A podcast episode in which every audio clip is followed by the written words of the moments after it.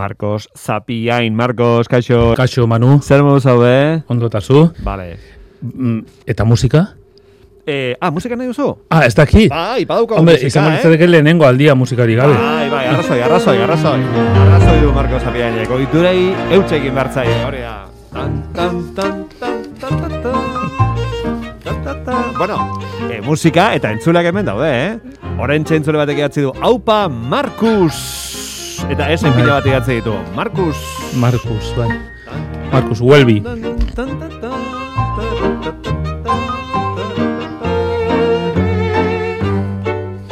Bai, musika motoriko zaigu arnaz pixka bat hartzeko, ze iritsi berria zara gure bilboko estudiora, Marcos. Bai. E, hartu arnaza, Bai. jarri lasai, eta bere ala ekingo diogu. Sumatzen da desoreka edo zer. Ez, Ah. ez, ez, ez, keba, keba, keba. Baina, bueno, patxada ez da gaizketortzen e, Hori inoiz, da. eh? Ez da gaizketortzen inoiz. Bueno,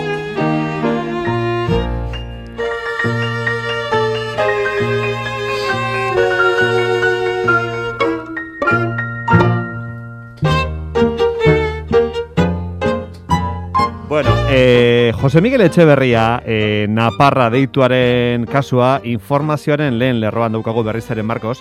Naparraren familiak aitortza instituzional bat jaso du Eusko Jaurlaritzaren aldetik. Berrogeita bi urte igaro dira Jose Miguel Etxeberria Naparra desagertu zenetik.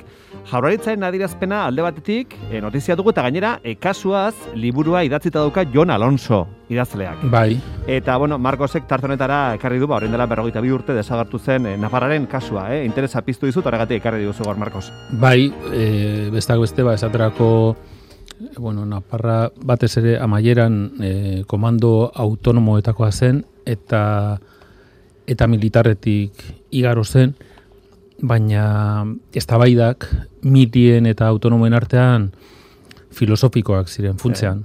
Horregatik lotura gaurko e, zera izen propio honena filosofiaren tartearekin, ezta? Bai, hor berta gaztelumendik idatzi duen txostena, ba, ziurazki ba, bere betiko esku finarekin idatziko zuen, eta sendoarekin, eta orduan, ba, nik uste dut, ba, eneko anaiak e, gustura irakurriko zuela, eta gero John Alonsoren liburua, ba, maizulan bada, Mhm. bikaina da, Mm, bere burua implikatzen du gainera, e, ze ikaskideak izan ziren, Hori da, Jon Alonso idatzi du liburu bat Naparrari buruz, eta bera, Jon Alonso bera ere agertzen da, ze elkarrekin ibili ziren eskolan, ezta? Bai, bai, horrela naturaltasun, handiz, bat ere egolatriari gabe, baina aipatzen du, ba, bera tartean zebilenean, ba, naparraren pasadizuetan eta bar, ba, esaten du, ba, hori, zertan zebilen zehazki, eta bar, eskola ikaskide izan ziren hiru bat urtez, Iruñean, bai.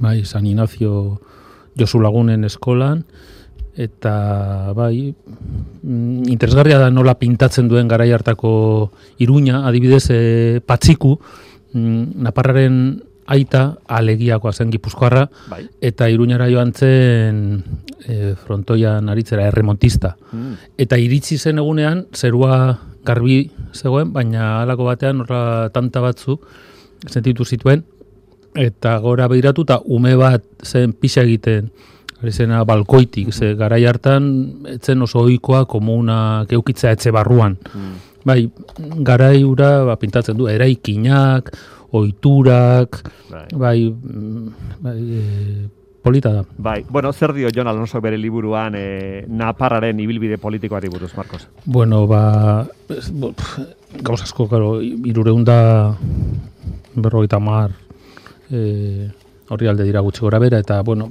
bere ibilbide politikoa esaterako, mm, hasi zuen LKI inguruan, naiz eta ez zuen militatu, troskoekin, gero pasa zen e, eta militarrera, Mm?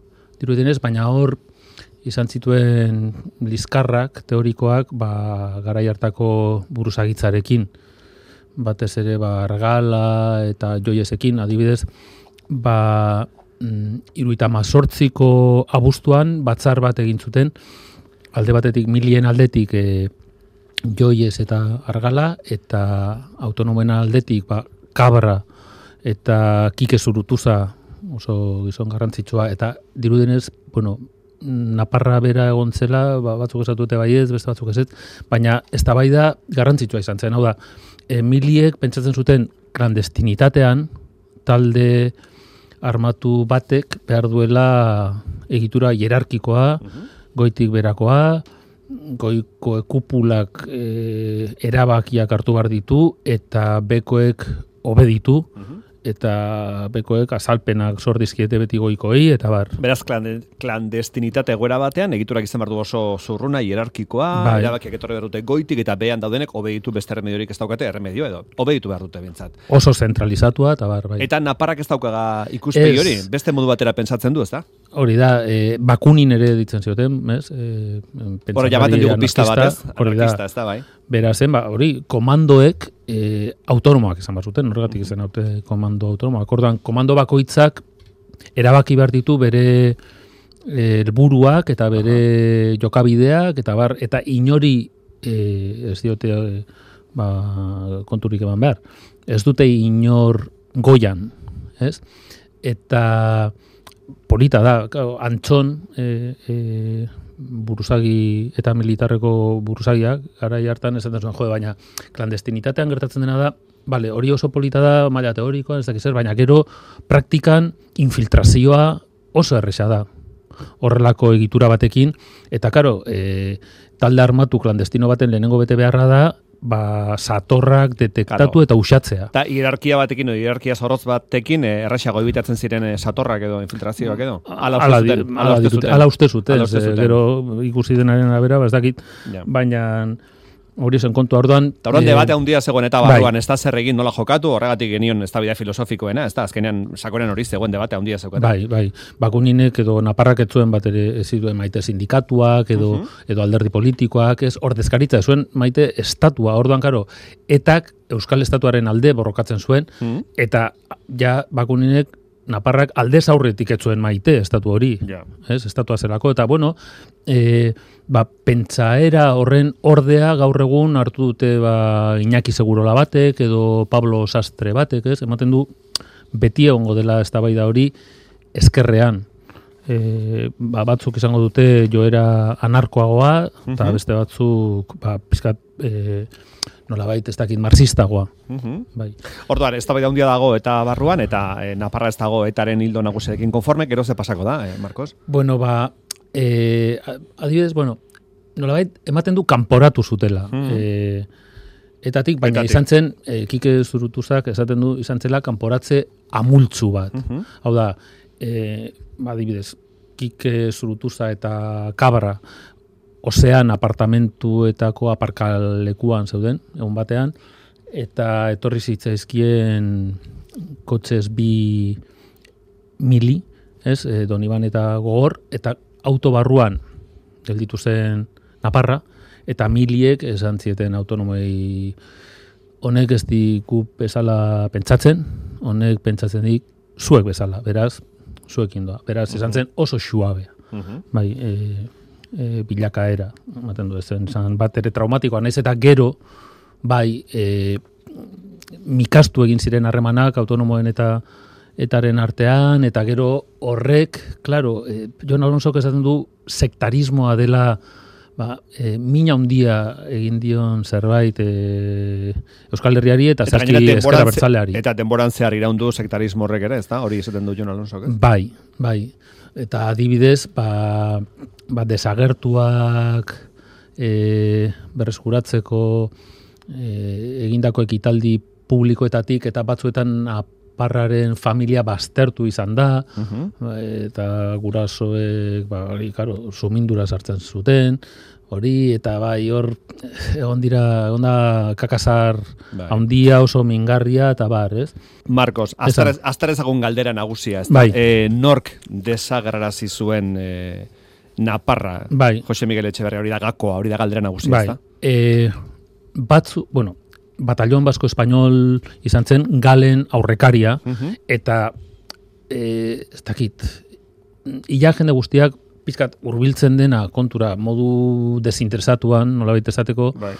edo egia benetan jakin nahian, esaterako familia, familiak, Jon Alonsok berak, eta jende askok pentsatzen du, batallon basko espainol izan zela, besteak beste, errebindikatu zuelako, bost aldiz edorrela, eta gainera, kontraitxurgentziaren manual guztietan agertzen da, hori ez, e, baiketa eta buruzagi edo erreferentea den norbait desagertaraztea, talde armatu desbertinen arteko liskarrak pisteko, eta hori da teknika zar bat, ez? oso ezaguna. Baina, badago, zenbait jende, eta eta zintzoa direnak, eta eta fidagarriak adibidez beltza, mm ez, Emilio López Adán, edo, bai. edo, edo Tito, e, Naparraren eskalagunoia, hoiek oraindik pentsatu dute miliek desagerrarazi zutela. E, ze, izan zen perturrenaren antzeko desagerpena, ez, hau da, mm zita bat zeukan, eta eta joan zen, eta, eta gero jaetzen gehiago agertu bizirik. Mm Eta ez dakit batzuk esatu dute hori ba, naparrak muturra nahi zuela sartu ba, miliek erabiltzen zuten bideetan arma zornitzeko eta ez hitzaiela gustatu eta bar, baina ez dakit ni, nik ere noski, liburua irakurrita gero, eta egia esan Jon Alonsoren tesia da batallon basko espainole bai. desagerrazi zuela. Ere, Alonso bere liburuan beste bai. ere jaso du, eta, eta ondo dokumentatu da gainera. Hori da, oso, oso zintzo jokatu du, ze e, ez da oso ohikoa, ez? Horla ba, ba, ba bestela pentsatzen duenaren tesiak hain modu argian e, ipintza mai gainean eta irakurlari esatea, bueno, nik hau pentsatzen dut honegatik, honegatik eta honegatik, baina badaude beste batzuk, adibidez, beltza bezalako erraldoi bat, ba, beste modu batean pentsatzen duena, ez? Eta eta zuk erabaki. Bai, ez du manipulatzen, nik uste dut, igual, ba, pres dago Impresio hori ez dute ematen adibidez ez dakit, Sabaterrek edo Ion Juaristik edo Florencio Domínguezek edo edo Fernando Reinares, ez? Hau da, hoiei ja badakiten orden ona eta orden gaiztoa eta eta pizkate miplegikoak dira. Eta Jon Alonso orda nik uste dut e, zabalagoa dela. Hau da, pres dago edo noren bertsioa entzuteko ulertzen alegintzeko bai. eta bere burubideak aldatzeko horren arabera. Bai. Marcos, beste bai. galdera gako bat. Bai. E, zer egin dute Estado Espainiarrak eta Estado Frantziarrak e, kaso ikertzeko, bueno. e, Naparraren desagerketa ikertzeko. Frantzia ipatzen dugu ze, azkeneko aldizi paraldean ikusi zuten, Naparra, ez da? Bai. zer egin dute Espainiak eta Frantziak kaso ikertzeko? Ba, hori, hori, hori da, liburaren bigarren zatia da, familiaren kalbarioa, ba, zeu zer lortu nahian, ez? Hau da, pff, be, ostopoak ipini, besterik ez dute egin, eta gainera modu maltzurrean, letxe txarrez, e, hori, mm, Alonso kaipatzen du, ez axola eta zabarkeria selektiboa, ez? Hau da, ez zuk desagerrarazten duzu Espainiako estatuak e, gazte bat, eta, eta jo, familia jotzen dute txaitzat, eta orduan egiten dizkiete gauza batzuk, ez handik pila bat urtera jarraitzen zuten jasotzen, ba, hautezkundeetan, ba, zen mai, segokion, horrelako informazioak. Neiza desagartua zegoen, aspalditik, aspalditik ere, eh, urteak. E, hautezkunde maiko hori informazio izan zitzaion, ez? Edo, adibidez, Ismael Morenok e, atzera botatzeko ba, diligentziak berriro zabaltzeko eskaera bat, e, aukatuaren eta bar, aditzera eman zuen, bueno, e, ez dakigu ziur bere kabuz desagertu den, behar bada ez zuten desagerrarazi baizik eta alde egin zuen eta horren ibili daiteke igual Kariben ba jairi jai. Horrelako gauzak entzun beharra dolua ezin duzunean bete ba, gorpua ez delako agertzen eta eta joe, horrela ama eta aita, ez, ez dakit e, familia da. Eta gainera, aitata ama, napararen bai. aitata ama hiltzinen jakin gabe, no, bere semearen gorpua edo ikusi gabe. Hori da, hori da. Bai. Hortarako filosofiak ze, ze lezio ematen digu, e, bueno, filosofiarekin lotuz? Ba, bai, ba, ba, epikurok eta estoikoek esango lukete, bueno, e, hori iraganeko kontuak dira, pasa zen, utzi ura, e, iragaten, eta bar, eta zentratu orainaldian, orainaldian dago poza, eta orain aldian dago zorion posible bakarra, beraz apurtu e, kateak, iraganekoak, eta bar, baina batzutan oso zaila da. Eta batez ere, mm, horrelako trauma baten ostean ezin baldin baduzu dolua egin, ez? Eta hau da ba, ba, naparraren gurasoen kasua. Bai. Gero esango dugu ikerketari dagokionez, mm, bueno, e, dei anonimo bate jakinera zuela napararen gorpuzkinak monde marsan inguruko gune batean zaudela, ezta? Bai. Eta horre patzen dira bi gune posible edo bi toki posible, ezta? Bai. Eta e, ara joan zen Pako Etxebarria ospetsua, eta mm, Forentsikoa, berak bai. esaten zuen begunean aukera gehiago zeudela. Baina, e, Espainiak eman zuen baimena bakarrik ikertzeko induzketa egiteko A gunean.